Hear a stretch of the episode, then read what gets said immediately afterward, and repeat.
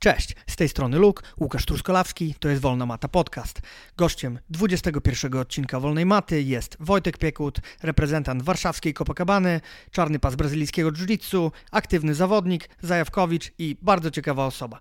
Zapraszam do odsłuchu naszej rozmowy, którą odbyliśmy w Alligatores Fight Club podczas seminarium ze Zbyszkiem Tyszką. Wielkie podziękowania dla partnerów mojego podcastu. Przede wszystkim firmie Ground Game, która jest ze mną od samego początku. W ich ofercie znajdziecie sprzęt do sportów walki oraz ciuchy do codziennego użytku. www.groundgame.com. Sprawdźcie ofertę. Black Belt Nutrition, czyli najlepsze poradnictwo żywieniowe w sieci. Jeżeli wybieracie się na zawody, chcecie przybrać na wadze lub zrzucić parę kilogramów, najlepiej zrobić to pod okiem specjalistów. Sprawdźcie ich stronę na Facebooku. Do grona partnerów Wolnej Maty dołącza także firma Field Meal Catering, oferująca catering dietetyczny, 7 różnych systemów żywieniowych. Sprawdźcie ich ofertę na stronie fieldemil.pl yoga4bjj.net, czyli strona oferująca filmy instruktażowe z zakresu jogi. Stosujcie jogę, aby unikać kontuzji, zwiększać swoją gibkość i dorzucić sobie dodatkowy trening. Wolna Mata Podcast, odcinek numer 21. Moim dzisiejszym gościem jest mój serdeczny kolega Wojtek Piekut. Siemano. Cześć, witam wszystkich. Wojtku, y, jesteśmy dzisiaj na seminarce z Zbyszkiem Tyszką. Ty jako rasowy kimoniarz odwiedziłeś typowo submission fightingowe seminarium. Może opowiadaj na początku, jak twoje wrażenia po pierwszych dwóch godzinach. E, bliżej, Wojtek. bardzo dobrze, generalnie jest to dla mnie coś nowego, szczególnie te opcje gilotyn, które pokazywał Zibi. Generalnie kontroli za głowę, kontroli ręka-głowa i wykończenia z tych pozycji. I uważam, że to bardzo wzbogaci moje jiu-jitsu, które jest akurat o tele, ten element bardzo ubogie.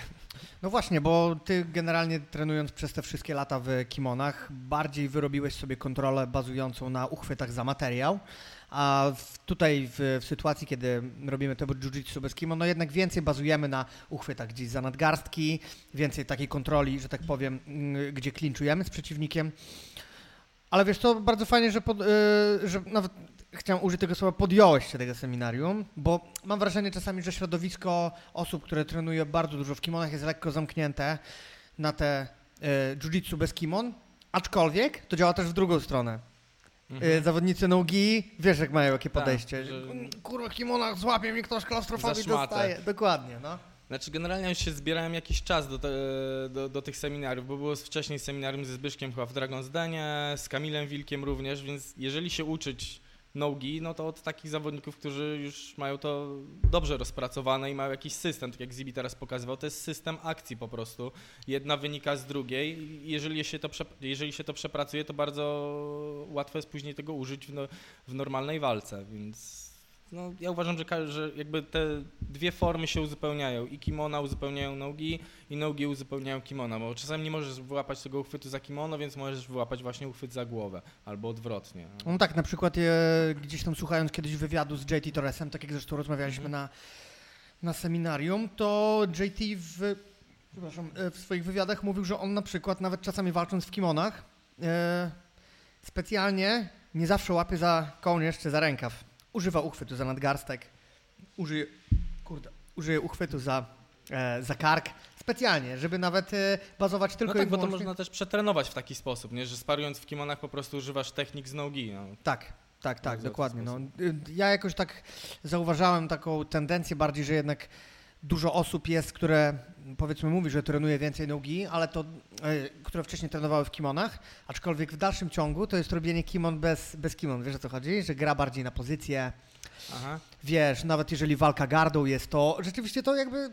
Ja, ja mam wrażenie, że oglądam wtedy walkę zawodnika, który powiedzmy zdjął z siebie kimono i próbuje, wiesz, walczyć delariwką, kręcić się po jakieś berimbole czy coś. Submission fighting jest jednak trochę inny. Submission fighting, sam wiesz, że to jest styl zawodników, którzy kręcą się tylko i wyłącznie po poddania, czyli polują na nóżkę, na rączkę, na głowę.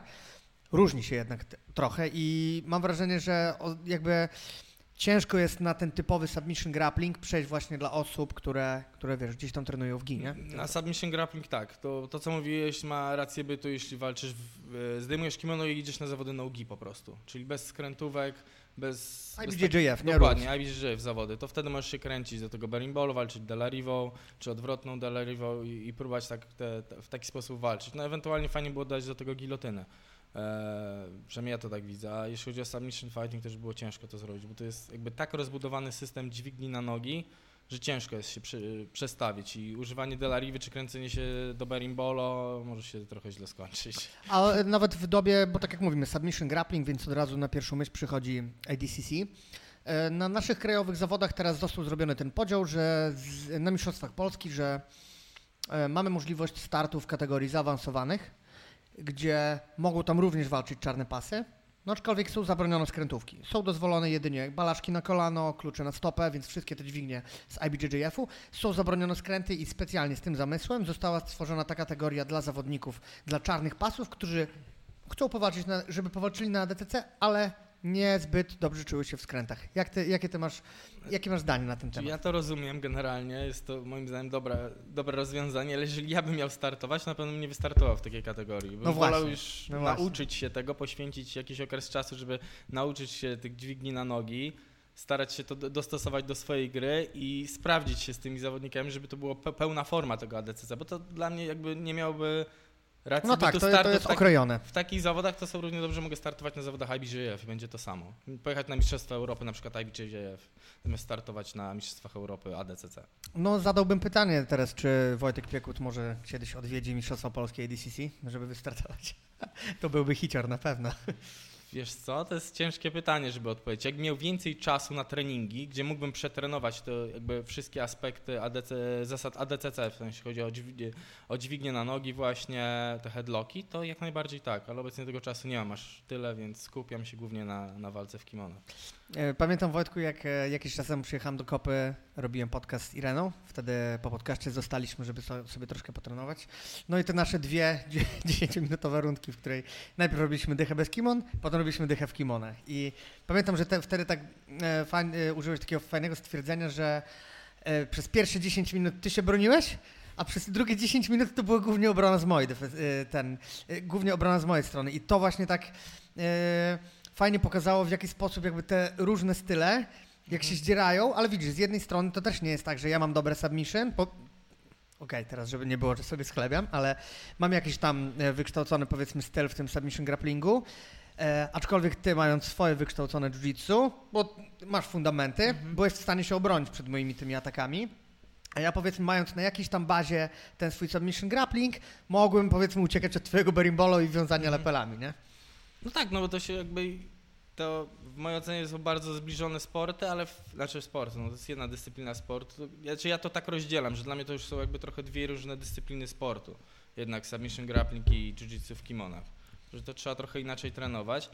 No ale to zawsze jest tak, że jakby są pewne punkty zbieżne w tym wszystkim i jeżeli ktoś ma dobrą bazę, jeśli chodzi o właśnie submission fighting będzie, i poświęci trochę czasu, żeby przy, przy, przygotować się na walkę w kimonach, będzie w stanie e, walczyć na zawodach w kimonach. Tak samo osoba, która walczy w kimonach, jeżeli poświęci odpowiednią ilość czasu, żeby przygotować się do walki w submission fighting, będzie w stanie też to zrobić, więc No właśnie, bo jakby nie patrzeć, to e, bardzo duża rzesza zawodników startujących na największym turnieju, czyli na ADCC, to są no, mistrzowie, świata w kimonach również, tak? Lucas Lepri, JT Torres, Koblinia. Cobrinia, dokładnie. No, nie ma co mówić, no, zwycięzcy kategorii e, zazwyczaj to są, to są też mistrzowie świata. No może poza Gordonem, który ostatnio zaskoczył wszystkich i wygrał.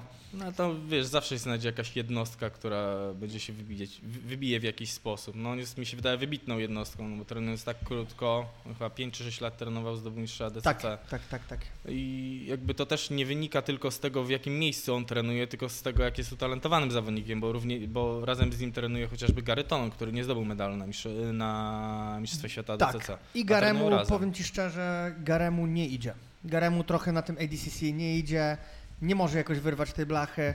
W mojej opinii jest, on walczy bardzo luźno, wiesz? Y, Mhm. obser- na pewno widziałeś jego No, walki. oczywiście, że tak.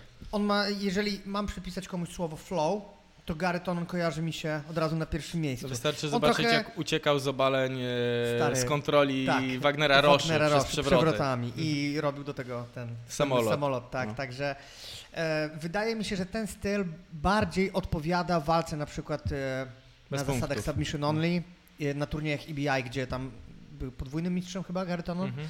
także gdzieś tam bardziej, ktoś to może, kto, kiedyś ktoś mógł to nazwać pajacowaniem, tak, aczkolwiek to jest właśnie te, ten styl walki, taki na totalnym gdzieś tam luzie, bez spinania, wiesz, ostatnio e, przeczytałem jakiś wpis gościa, który trenuje razem z Gary Tononem i, powiedział, i tam w tym wpisie ten go, gościu zawarł, że Gary Tonon jest mistrzem we flow roll, czyli w luźnej kulance.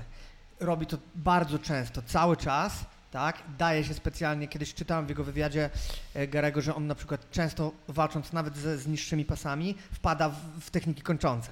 Po co? Żeby Żeby- jak najlepiej dopracować. Ucieczki. Dokładnie. No, dokładnie, to jest moim zdaniem bardzo dobra forma treningu. Tak. Zresztą też tak robię, jeżeli walczę z niższymi pasami, staram się czasami po prostu.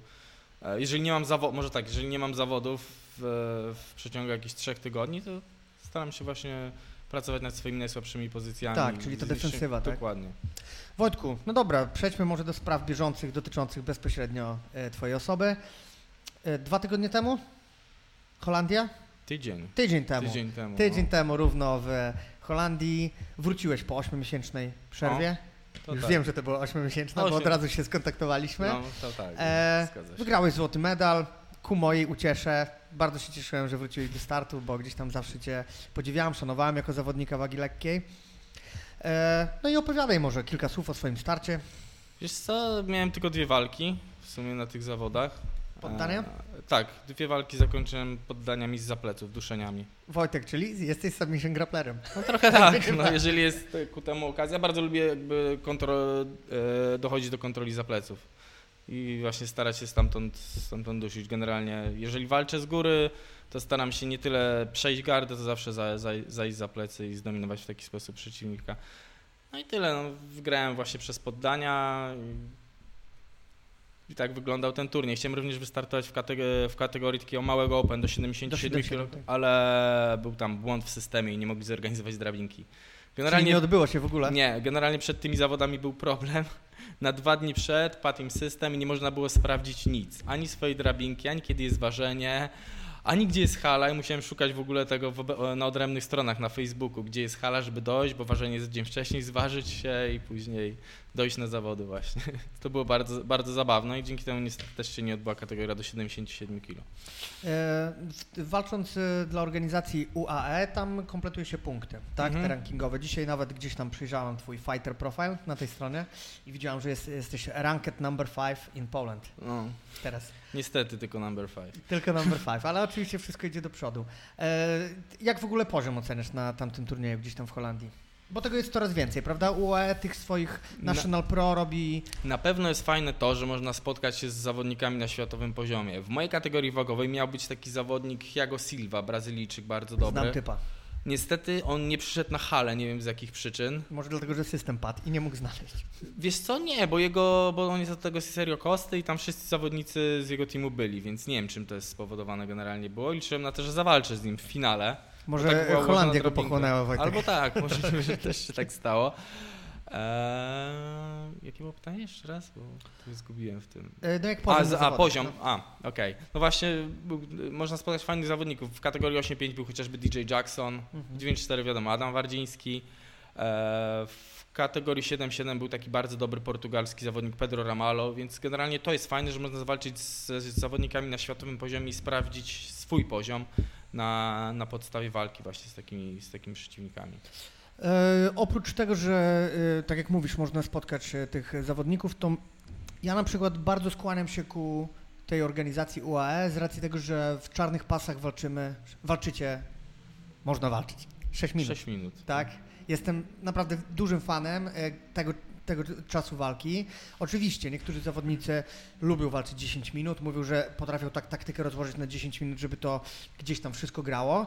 Aczkolwiek jeżeli mówimy o aspekcie, wiesz, Widowiska. widowiskowi, widowiskowym 6 minut jest naprawdę łatwiej obejrzeć. Nawet jeżeli gra zaczyna polegać na wiązaniu lapelami, gdzie tempo jest rzeczywiście troszkę zwolnione, to 6 minut wydaje mi się takim naprawdę optymalnym czasem. Tobie też się 6 minut lepiej walczy, czy wolisz Tak. 10? Ja zdecydowanie wolę walczyć 6 minut, ponieważ można walczyć dynamiczniej, co ja preferuję, i cały czas napierać. Bo generalnie, jeżeli mam w perspektywie walczyć 10 minut, w którymś momencie muszę się, za, w którymś momencie muszę się zatrzymać tej walki.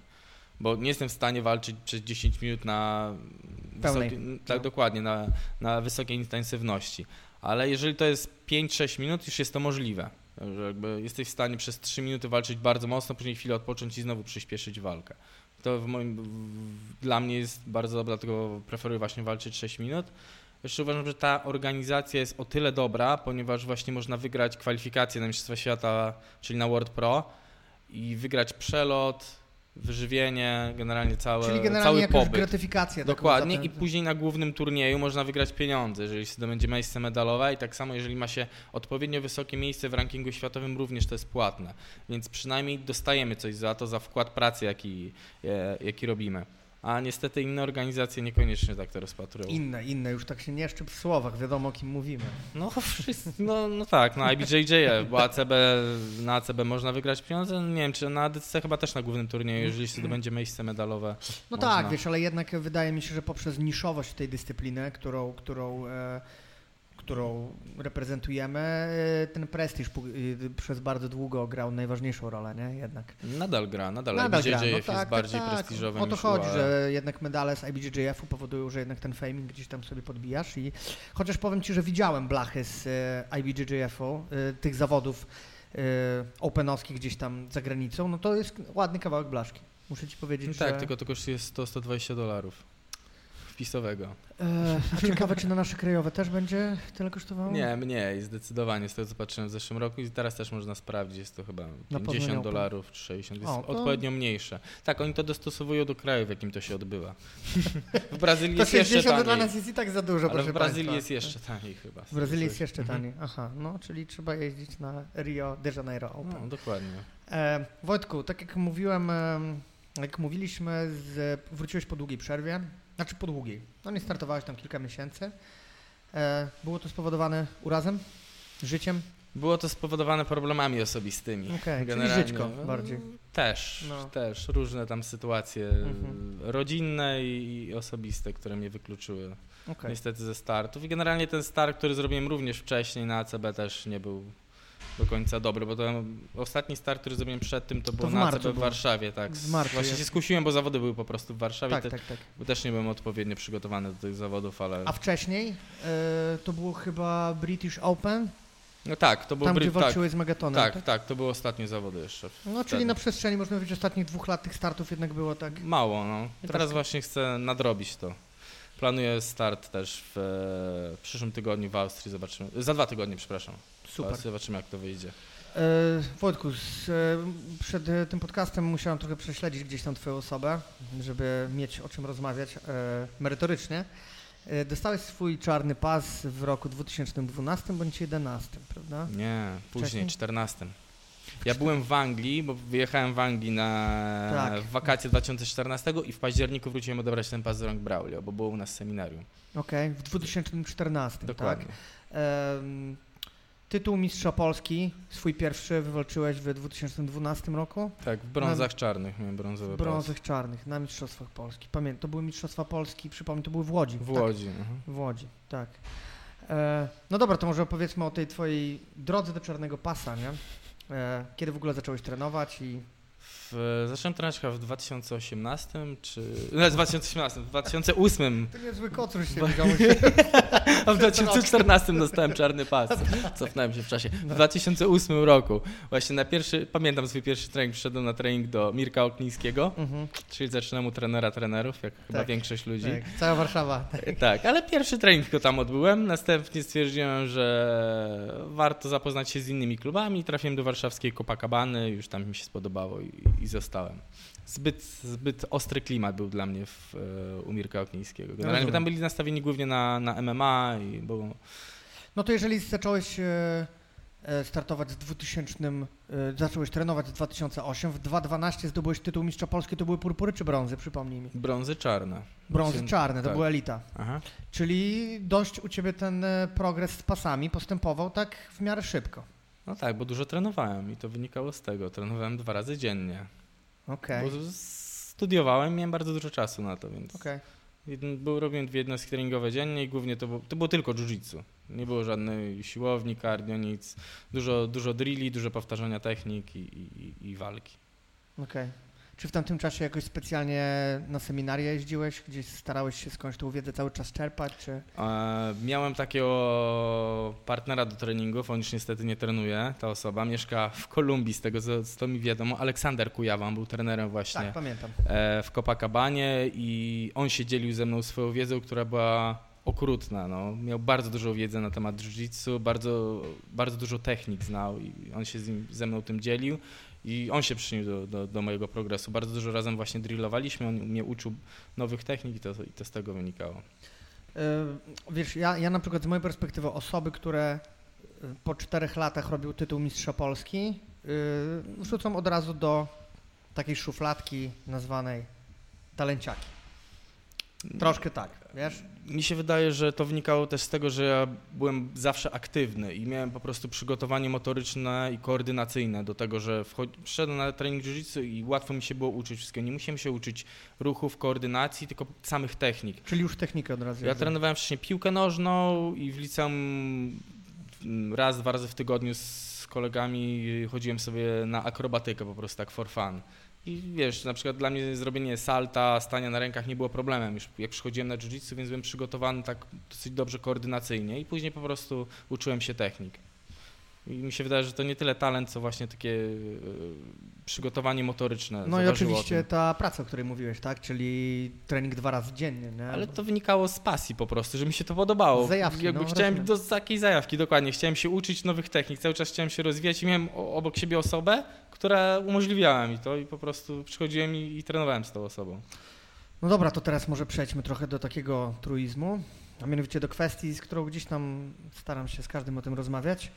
W jaki sposób mentalnie wpłynęło na ciebie jiu-jitsu? Jak bardzo się zmieniłeś? Jak bardzo zmieniło się twoje postrzeganie na wiele rzeczy? Czy generalnie nie rozkminiasz aż tak tego? Uuu, to jest bardzo ciężkie pytanie. No ciężkie, znaczy ciężkie, wiesz. Ja uważam, że jiu-jitsu uczyniło mnie zdecydowanie szczęśliwszym człowiekiem. O tak. Mi jiu-jitsu dało bardzo dużo w życiu. E, generalnie jako osobie poznałem bardzo wiele osób, które wpłynęło na mnie, pokazało mi, że można żyć w taki, a nie inny sposób, można mieć takie podejście, a nie inne do życia. Generalnie to nawet nie chodzi o sam trening, tylko o to, jakich ludzi się poznaje wokół siebie dzięki, dzięki jiu-jitsu.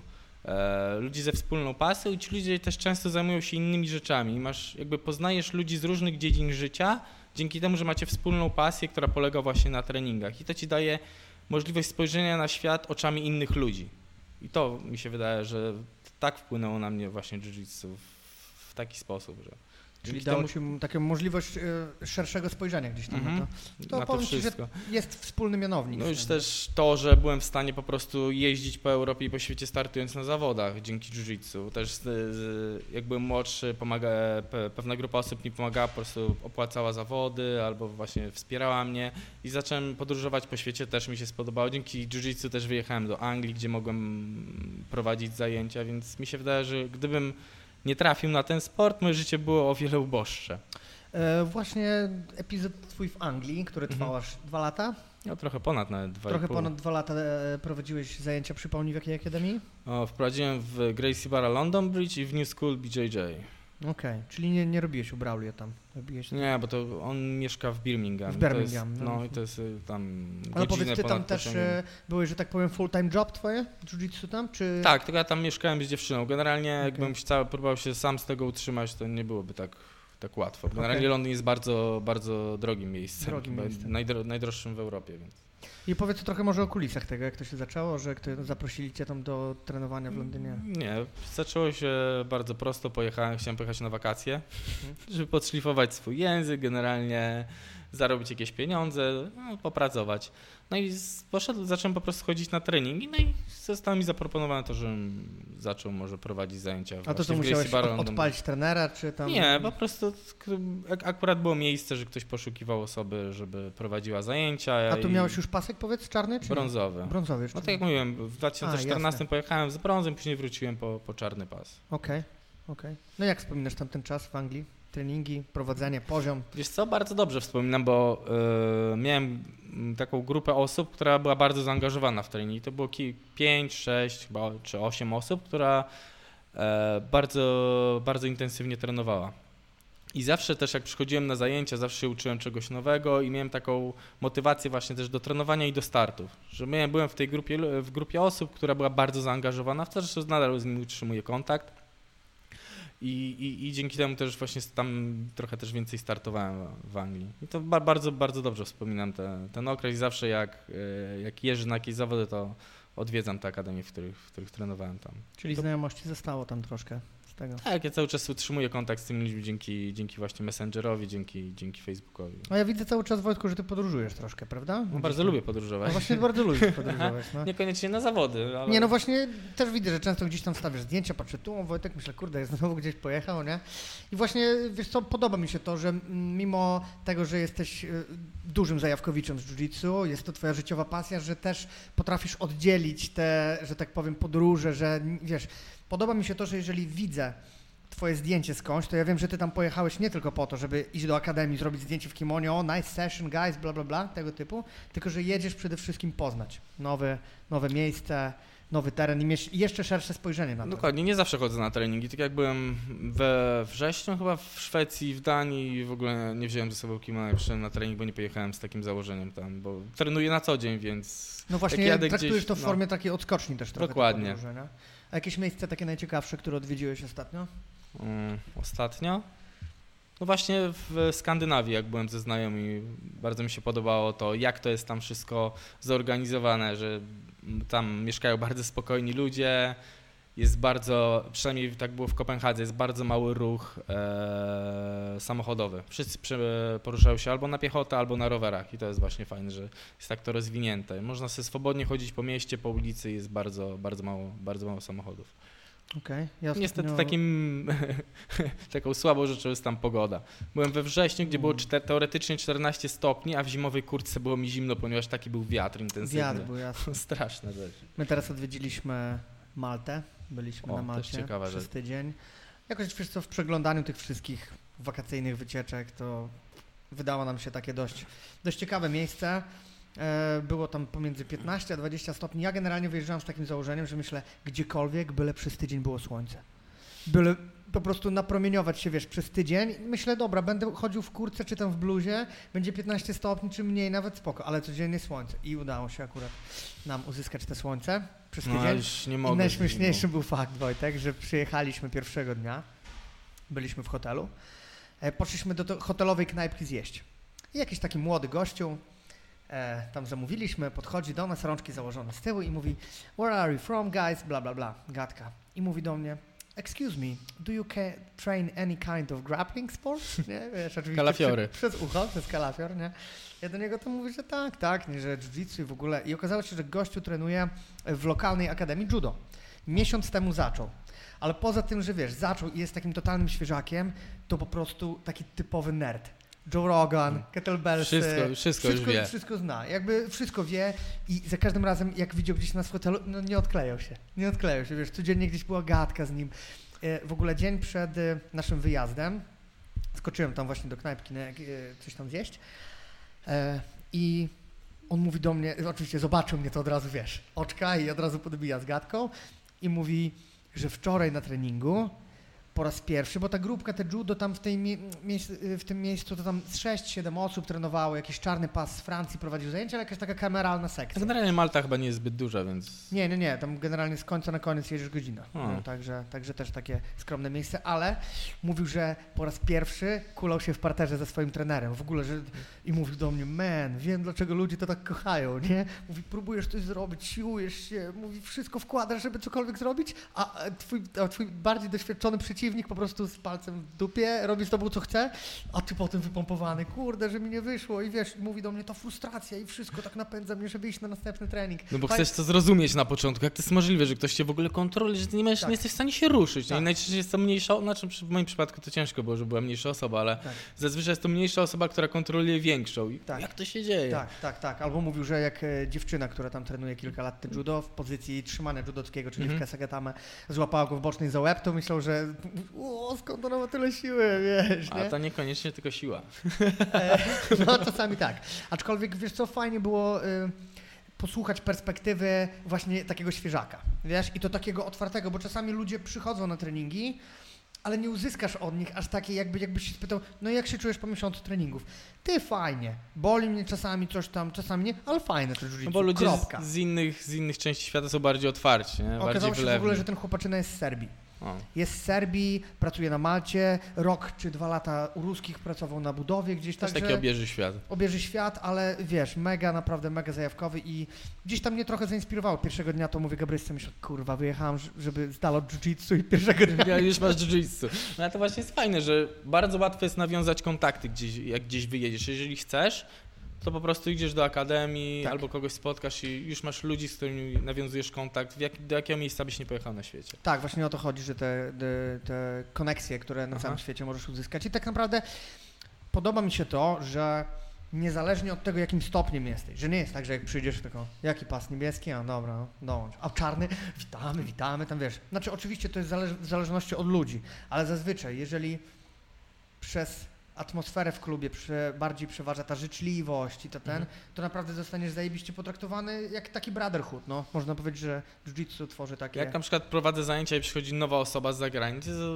zawsze od, od razu pierwszy co to podchodzę, skąd jesteś i tak dalej, żeby porozmawiać, gdzie trenujesz. tak. Zawsze staram się nawiązać kontakt, bo to jest właśnie fajne, że możesz kogoś przywitać i wymienić poglądy na przykład na, ten, na temat jiu-jitsu po prostu. Jak się trenuje w innym miejscu, jak to widzisz tutaj. Dokładnie. I to jest, y, wiesz co, wydaje mi się, że to jest właśnie klucz do tego, że dzięki temu, że jiu-jitsu ma takie dobroczynne działanie na człowieka, że ty właśnie masz większą chęć być jakby jakiś, nie wiem, komunikatywny, żeby porozmawiać z kimś tak życzliwie, zapytać, posłuchać go, tak? Bo wiesz, ludzie mają bardzo duży problem, żeby słuchać. Bo bardzo dużo jest, wiesz, osób z jakim charakterem, że mówisz coś do... Ja na przykład mam kilku takich znajomków, do którego coś opowiadam, on do mnie mówi, to to chuj, słuchaj, co ja zrobiłem. Nie? Wiesz, na. Najgorzej. No, znaczy, ale wiesz co, to ja nie mam pretensji do nich, nie? Wiesz, że to jest charakter, mówisz do niego on tak, o, już nie może wytrzymać, że ty tak długo mówisz, że on nic Aha. nie mówi, nie? I mówi, ty, to to chuj, słuchaj co u mnie, nie? Wiesz, a tutaj jednak wydaje mi się, że tak jak ci mówiłem, w jaki sposób jiu-jitsu potrafi zmienić życie, to wydaje mi się, że bardziej potrafi otworzyć człowieka i przede wszystkim tą perspektywę poszerzyć tego, że warto się zainteresować, kim jest ten ktoś, kto właśnie, z kim właśnie walczysz. Dokładnie, bo jest, No. ludzie przychodzą z bardzo różnych Środowisk. środowisk. No. Bardzo, bardzo różnymi rzeczami się zajmują. A powiedz jakieś takie, widzisz różnice pomiędzy tym, jacy ludzie przychodzą, powiedzmy tam w Anglii trenowali, a tutaj gdzieś tam w Polsce, czy też tak jest, że z różnych środowisk? Nie, ten? z bardzo różnych środowisk też. tam ludzie przychodzili. No, tylko tam był o wiele większy przekrój też narodowościowy. Wiadomo, że tam w Londynie to jest takie mu- multikulturowe miasto, tak. więc tam z każdego zakątka świata ludzie A przychodzili. Zdyby wiesz, jakby na to powiedział. No dobrze. A taką, jeśli jeszcze mogę powiedzieć, różnicą, jeśli chodzi na przykład o podejście do treningu, było takie, że na przykład Anglicy są mniej waleczni, ale to się przekłada na to, że są bardziej techniczni, bo Tak, próbują wiele rzeczy. Mhm. Ale to z kolei jest tak, że na zawodach bardzo często przegrywają, bo ta, nie mają tej waleczności w sobie, tak jak Mhm. Polacy. Tutaj, jeżeli z kimś sparujesz, no to jeżeli chcesz kogoś poddać, naprawdę musisz się czasem napracować. Mhm. A, to, a tam ludzie często nie, nie klepią na przykład niedopięte duszenia. What? No serio, no, ale przez to są bardziej techniczni, bo próbują cały czas nowych rzeczy. Pokażesz coś komuś nowe, nową rzecz na treningu, on ją próbuje zrobić. Pomimo tego, że ktoś na przykład przejdzie mu gardę, podda go, cały czas będzie próbował, żeby to wyćwiczyć sobie. I to jest Nie właśnie... mają takiego ego. Okej, okej, właśnie to jest też bardzo ważne, ale bardzo często powtarzam gdzieś tam ludziom, to wiesz, jak e, właśnie trenujemy, że kiedy walczycie, kiedy na tym konkretnej, na tej konkretnej jednostce treningowej przychodzi czas sparingów, nie tyle co zadaniówek, próbujcie tych rzeczy. Próbujcie rzeczy z dzisiejszego treningu, bo to jest jakby aplikowanie tego, co dzisiaj macie przerobić, a nie na zasadzie, wiesz, robimy gilotyny, nie, a ktoś yy, chce, wiesz, Robi to, co robi najlepiej. Robi to, co robi najlepiej. Wiesz, z kim ja słuchałem, kurde, wywiadu, czytałem, czytałem lub słuchałem jakiejś wypowiedzi e, jakiegoś zawodnika on właśnie powiedział, że bardzo częstym problemem jest to, że ludzie idą w ten comfort zone. Wiesz, No ma dobry knee slide, przejście do bocznej i powiedzmy jakieś tam duszenie z bocznej i będzie na każdym, na każdym to robił i potem, wiesz, wychodził opierzony, wiesz, jak to, o, dzisiaj zajebisty trening, wiesz, tyle osób poddałem czy coś. No to jest trochę bez sensu, jeżeli myślisz o zawodach. Musisz No cały tak. czas rozwijać. No. Jakby ta, ta, ta, taka forma sparingu ma sens, jeżeli masz właśnie w zanadrzu start przy, nie wiem, w, następny, przy, następnych dwóch, trzech tygodniach, że robisz to, co robisz najlepiej. Ale jeżeli tego nie masz, no to powinno się starać rozwijać różne, różne aspekty gry. No i bo właśnie te ego, nie, jeszcze wchodzi w grę, to jest kurde, to jest kamień, uważam, ludzi, którzy przychodzą na treningi, że nie potrafią sobie poradzić z tym, że coś im nie wychodzi, że poddał ich 30 kilo mniejszy gościu, przynajmniej na początku, wiesz, to To też piłowanie tego jest niesamowicie ważne, nie? Im mniej zaczynasz tego mieć, tym tak naprawdę bardziej zaczynasz rozumieć, o co w tym wszystkim chodzi. Tak mi się wydaje, wiesz, że to nie zawsze postęp w jiu-jitsu y, to jest to, że ty znasz więcej tych technik, lepiej się ruszasz, częściej poddajesz, tylko to, jaki zaczynasz być mentalnie. Dlatego, że z tobą poruszyłem ten temat, tak? Mhm. Jak mentalnie, powiedzmy, ciebie zmieniło, czy w ogóle ludzi zmienia, to mi się wydaje, że No ja nie byłem inną osobą, też miałem takie podejście na początku. Wiadomo, że nie chciałem przegrywać i tak dalej, a to się zmienia z czasem po prostu. Im dłużej to trenujesz, tym zaczynasz właśnie rozumieć, na czym to polega. No właśnie tutaj dziś na seminarium z, e, ze Zbychem miałeś okazję posłuchać, jaka, jak on powiedział, że różnica między zadufaniem a pewnością siebie. Aha, Jaka wyjaśnił właśnie. Okej, że, to, to, to też jest taki że niby pewność siebie, a zadufanie i to jest takie ten. Dlatego, ładnie powiedział, że pewność siebie jest cechą mistrza, Tak, tak. a zadufanie niekoniecznie. No i dokładnie tutaj e, na pierwszy, od razu na moje pierwszym skojarzeniem był Gordon. On już jest trochę zadufany chyba. Tak, aczkolwiek wiesz co, y, mi się podoba na pewno w Gordonie to, że on e, mimo tego co mówi, czyli jest zadufany powiedzmy w jakiejś tam kwestii, ale e, realizuje to co mówi. Wiesz o co chodzi? On Mhm. gdzieś sam nawet napisał o tym, że e, wszyscy mówicie jaki to jestem, bla bla bla, ale mimo wszystko realizuje to co mówię. Czyli jeżeli on mówi, że jest the best, że jest w stanie poddać najlepszych czy coś, nadchodzi turniej i Nie jest w stanie, no tak, to, to Gordon się to zgadza, że jest w stanie to zrobić. Aczkolwiek e, trochę życzyłem mu tej przegranej z Joao Rojo, dlatego że uważam, że przegrano, przegrana też w pewnym sensie jest cechą mistrzowską. Jak zniesiesz tę porażkę? Tak, jak zniesiesz, zwróć uwagę na takie jednostki jak Ronda Rousey. No właśnie, to jest też dobry, dobry temat, który poruszyłeś. Ronda Rousey, a Conor McGregor. Conor McGregor bardzo dobrze zniósł na przykład porażkę z Diazem i to było widać w wywiadach. Po prostu zaakceptował tą porażkę, nie szukał wytłumaczeń, tylko zaakceptował, powiedział, że Diaz był lepszy i tyle, i chce rewanżu. No a z Habibem? Tu jest gorzej, wiesz, w moim... Y, myślałem, że generalnie nawiążę do walki z Habibem, bo wiesz, był y, Co zdecydowanie... chyba nie słuchałem wywiadów po, po, po walce z Khabibem. e, A nie było tam- wywiadu. Nie było wywiadów, Conor Bo- się zerwał. Nie było, A, to- rozumiesz, właśnie o to chodzi, że był bardzo duży hype na tą walkę. Była potem e, duża kontrowersja, wiesz, związana z czym? No, z wyskoczeniem że- z klatki. Ta, tak, z wyskoczeniem z klatki. No i gdzieś, kurde, Conor po tym wszystkim zaginął. W ogóle widziałeś ten e, dokument na Netflixie? Widziałem, Nowy? widziałem. No i jak wrażenie twoje? Słabe, prawda? No mi się nie podobał do końca. Po prostu przedstawiona historia jakby Konora takiego, jakim jest. Tak, no. i Wojtku powiem Ci, że najgorsze w mojej opinii, jak to obejrzałem, było to, że mieli naprawdę zajebisty potencjał w Konorze, bo on jest naprawdę, popatrz, ludzie go lubią i ludzie go nienawidzą. I teraz, jak masz takiego gościa, możesz zrobić o nim film, który może nie tyle, co spowoduje, że ci, co nie lubią, będą lubili i odwrotnie, ale możesz przedstawić go w taki sposób, który, z którego jakby, wiesz, ludzie nie znają go. Dokładnie, z innego punktu widzenia. Po, po, pokazali go takiego, jakim jest, wiesz co- jaki ludzie go tak. widzą na co dzień. I wiesz co, i samo. zrobili, dla mnie ten film y, nie, ruczył, nie, nie różnił się niczym od takich UFC Countdown. Dokładnie, miałem takie samo wrażenie po tym filmie. Takie, że o, jak do walki się przygotowuje, że tutaj taki chudy był, że tam Dana White, że ten Schwarzenegger tam był w tym, Mhm. y, u niego w domu. Takie po prostu y, rich life Conora McGregora, tak? No i tam nie, na początku było pokazane, że on tam Tak. zaczyna, ale też, że tak jest taki pewny siebie, że... Tak, tak. Tak. No, no, Dokładnie. no i widzisz, i tutaj ta cecha mistrzowska, czyli jak jesteśmy w stanie gdzieś tam znieść tą porażkę, żeby się podbudować i iść dalej. No i ja zawsze myślę o rondzie, wiesz? Naprawdę była na fali, była w sztosie, a potem wjazd. Dwie porażki. Dwie porażki, depresja i kurde mamy ją w WWE. WWE, co jest no dość niskim spadkiem, nie? Uważam. Takim. No jak byłeś zawodnikiem nur, MMA, gdzie wychodzisz do klatki i bierzesz udział w realnej walce i nagle zaczynasz udawać po prostu, no to jest moim zdaniem no, trochę no, słabe. No niestety, Ja aczkolwiek... też y, byłem fanem Rondy Rousey. a myślę, tym, jak walczyła. Ty byłeś fanem WWE może. Nie. Ale Może teraz będę dzięki Rondzie. A, może dzięki Rondzie, no.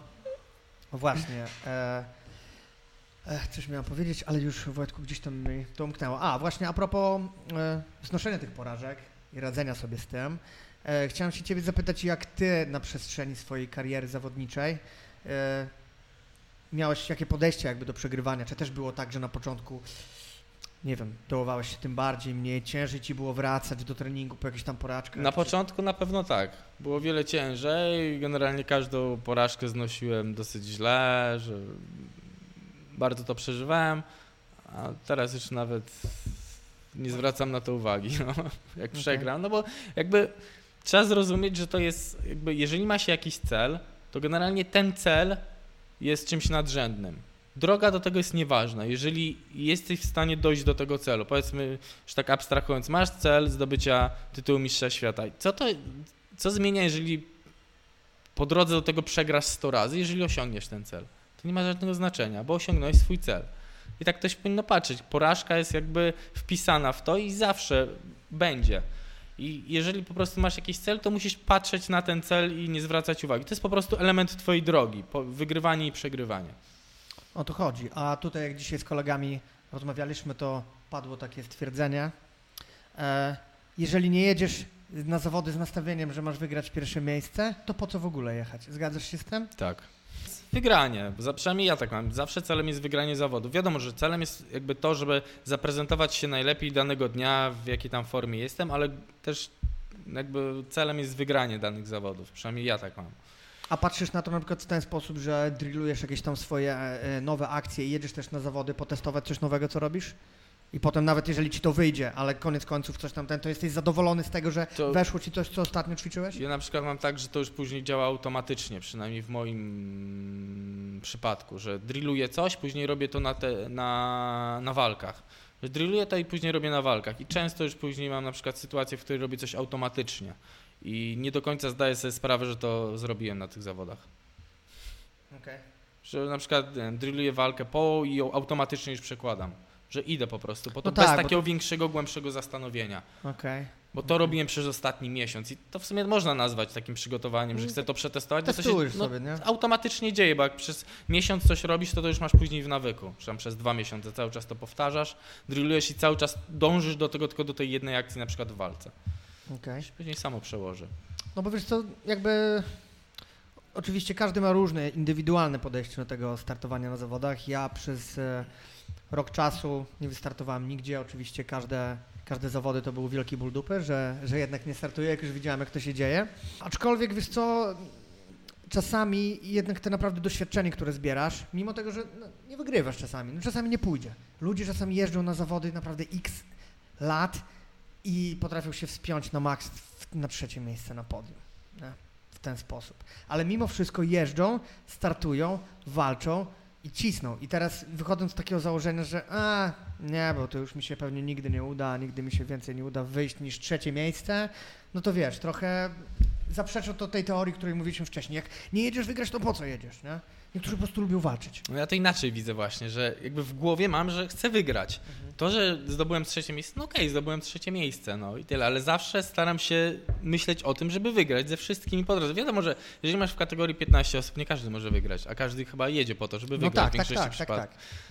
I tyle, że trzeba mieć w głowie po prostu, że jadę wygrać. To, że zdobędę trzecie miejsce, spoko. Mnie to na przykład cieszy. Jeżeli wejdę na podium, to już jestem zadowolony ze swojego występu.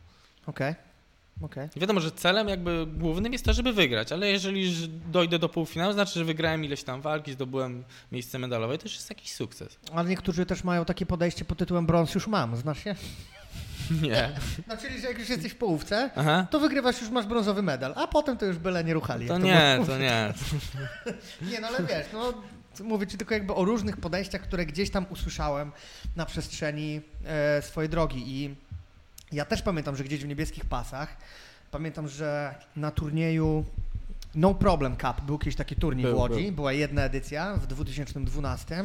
Wywalczyłem tam swoje pierwsze miejsce, na po, znaczy pierwsze miejsce medalowe. Oczywiście to było trzecie, tak, gdzieś brązowy medal, no ale musiałem z dwie czy trzy walki wygrać do tego, nie, więc... No była to już jest sukces, no po Właśnie iluś tam to dwóch, trzech latach treningu, Tak, tak? tak. Zdobyłeś medal, więc... Tak, zdobyłem medal i pamiętam, że to było po prostu mega zrobienie tego dla mnie. I gdzieś tam, wiesz co, wytworzyła się wtedy bariera w głowie, że no, ale pewnie, kurde, do finału to mi się nie uda dojść nigdy, nie?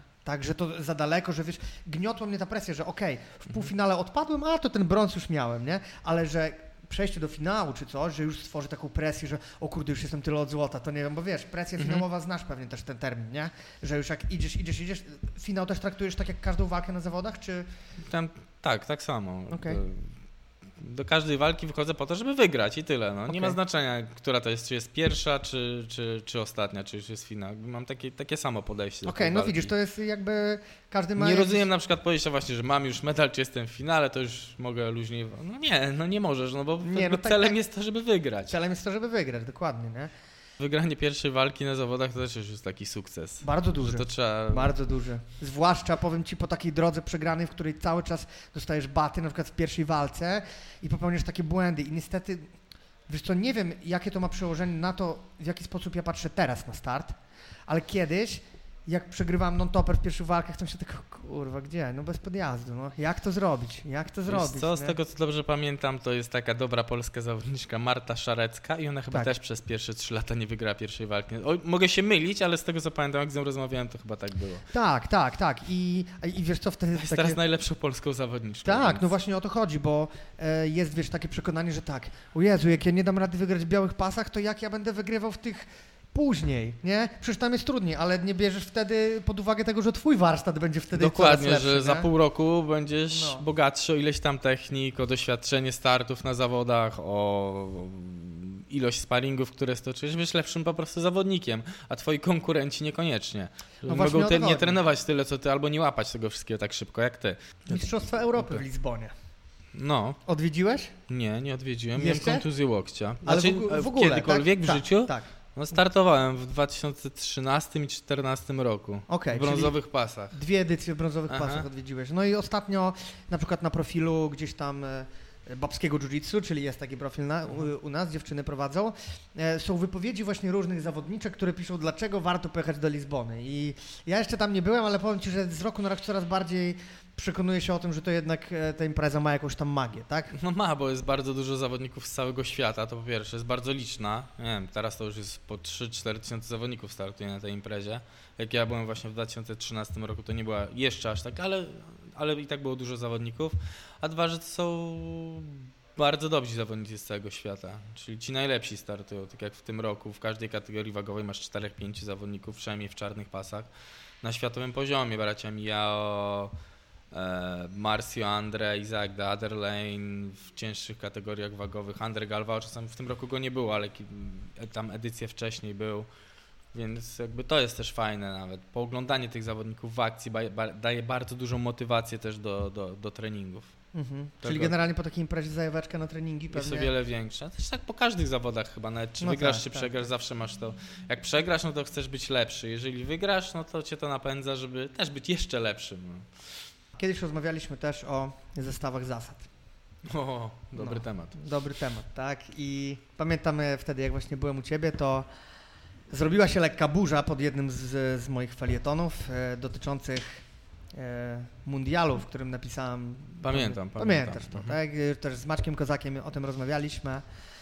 I ja gdzieś tam stwierdziłem, że no, mundial jakby widowiskowo potrafi być nudny nie? na tym najwyższym poziomie, kiedy czekamy do, do, do jakichś tam e, walk finałowych, gdzie one trwają 10 minut i, Jest walka na przewagę. i walka na przewagi. I powiedz, e, tobie najbardziej odpowiada zestaw zasad? Jaki tak naprawdę?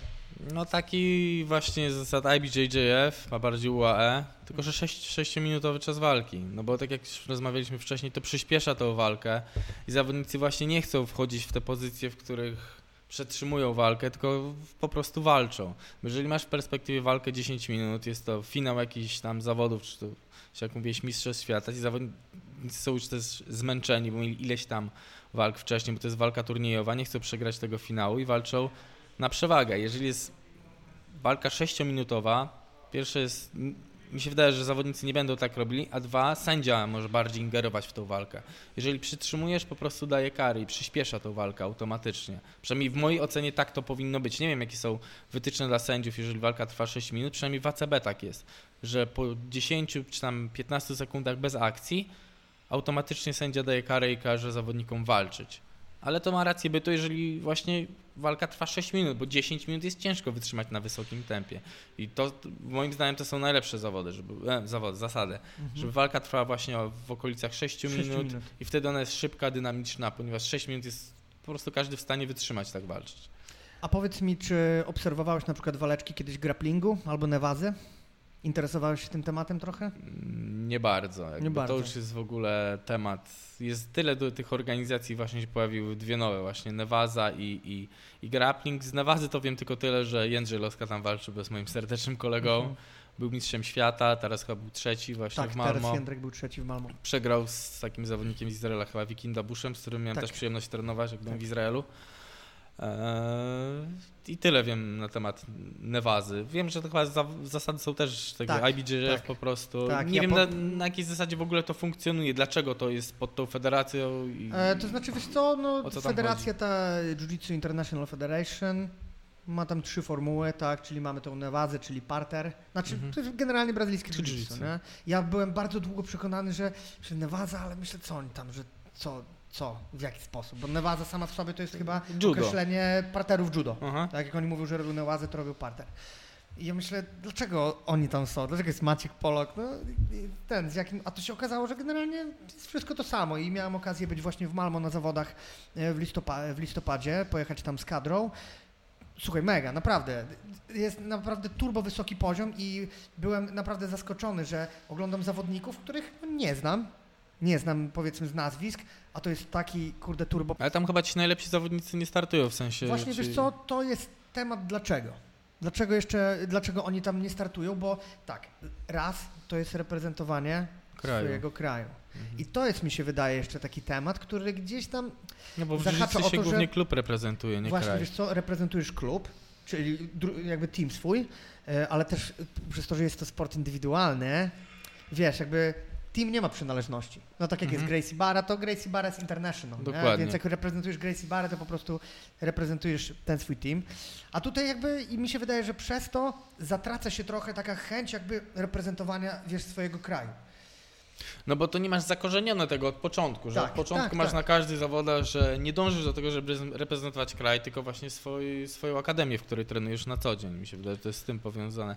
Ale to jest też, dla mnie przynajmniej jest wiele rzeczy niejasnych w tej Nevadzie. Jakby nie wiem na jakiej zasadzie to, to, jakby jest bardzo mało informacji na ten temat. Dużo Wszędzie. jest, Wojtek, wiesz, Tak? tylko trzeba się zainteresować. Ja Ale w sensie na portalach branżowych nie widziałem jakby informacji, że za, Są, widzę teraz- informacje o zawodach po prostu na przykład, że są dwa tygodnie przed. Nie, wiesz co, teraz y, generalnie na początku roku zarówno Polski Związek Jiu-Jitsu, jak i Polski Związek Zapaśniczy, pod którym jest grappling, zrobili kalendarz wydarzeń Mhm. i muszę przyznać, że wiesz co, ja na przykład się tym bardzo, bardziej zainteresowałem teraz i troszkę bardziej tego pilnuję. Pytanie w jaki sposób, i tutaj mówię o nas oczywiście, branżowcach, Mhm. wszystkich e, dziennikarzach, e, w jaki sposób my do tego podchodzimy, bo jeżeli ja przez lata podchodziłem zlewczo do tematu i na zasadzie, no jest ten was, ale ja tam nic nie wiem, to się po prostu potem się okazywało, że o, dwa tygodnie zawody, a to coś wstawię, nie? Albo ktoś tam się odezwał, że no jest, jest jakieś zawody PZCT, no dobra, okej, potem mu odpiszę, potem to wstawię. Teraz po prostu bardzo tego pilnuję, ponieważ e, tak jak wcześniej rozmawialiśmy, ta wizyta w Malmo i obcowanie z, tym, e, z tą dyscypliną Nevazy naprawdę poszerzyło mi światopogląd, jeżeli chodzi o to, jak on tam walczył, jaki jest poziom, a ostatnie mistrzostwa świata, które były w Dagestanie grapplingu. Mhm. A to, to, ale to było widzieć na flow grapplingu i o tym już wiedziałem. Tak, tak. Bo to tak, było tak. sze, sze, e, szerzej opisane gdzieś na tak, takich portalach branżowych. Wojtku, powiem Ci, że kosmos, poziom walk w tym grapplingu, jeżeli wykupujesz subskrypcję Flo, czy nie?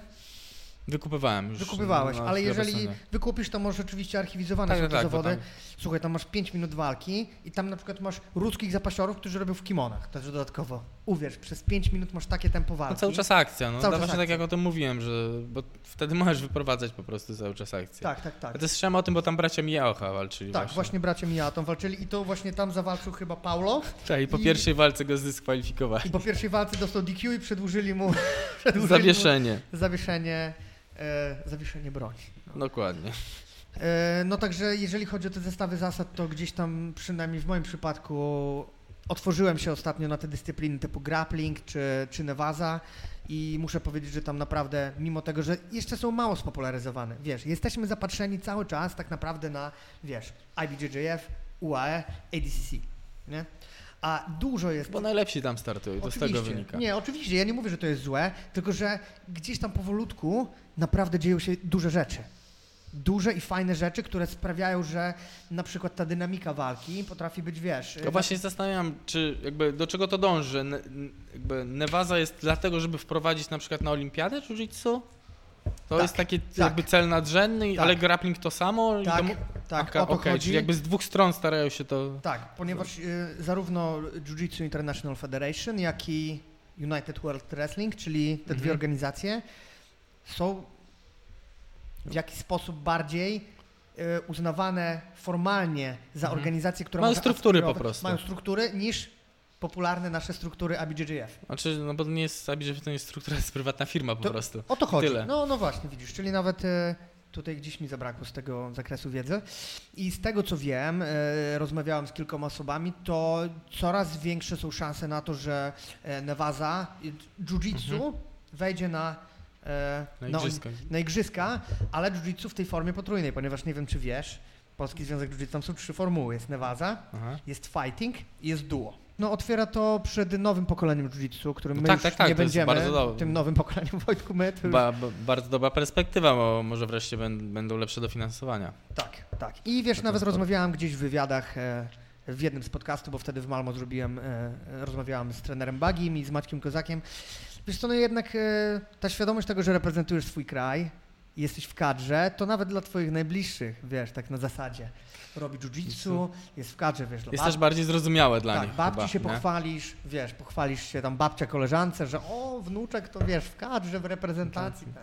A tutaj na zasadzie niestety, no, robimy to dla, wiesz, prestiżu, zajawki, medali, ale gdzieś tam dalej, dalej ta niszowość jest i nie przeskoczymy na pewno skoków narciarskich. E, Wojtku, za pięć minut chyba rusza Tak. nasze seminarium z Dru, Zybim. druga część. Mam nadzieję, że będą dźwignie na nogi teraz. E, ja mam nadzieję, że będzie kontynuacja headlocków. Headlocku. Tak, Już także- tak było bardzo dużo tego. Tak bardzo, bardzo- bardzo dużo fajnych technik właśnie. Ale cieszę się, że mogę naprawdę przełknąć ze spokojem kawę. że nie ma, wiesz, że nie ma damage'u spowodowanego. No też się tego obawiam, szczerze mówiąc. Nie, jest, jest luz. Zobaczymy jak jutro, jak jutro zjem śniadanie. Jest, no, tak. Wojtku, dziękuję Ci za rozmowę. Bardzo fajnie, że udało nam się spotkać na podkaścik. Mam nadzieję, że nie ostatni raz. Również mam taką nadzieję. Wolna mata się rozrasta. Wojtku, jeszcze raz dzięki. Dzięki Pozdro. również za zaproszenie.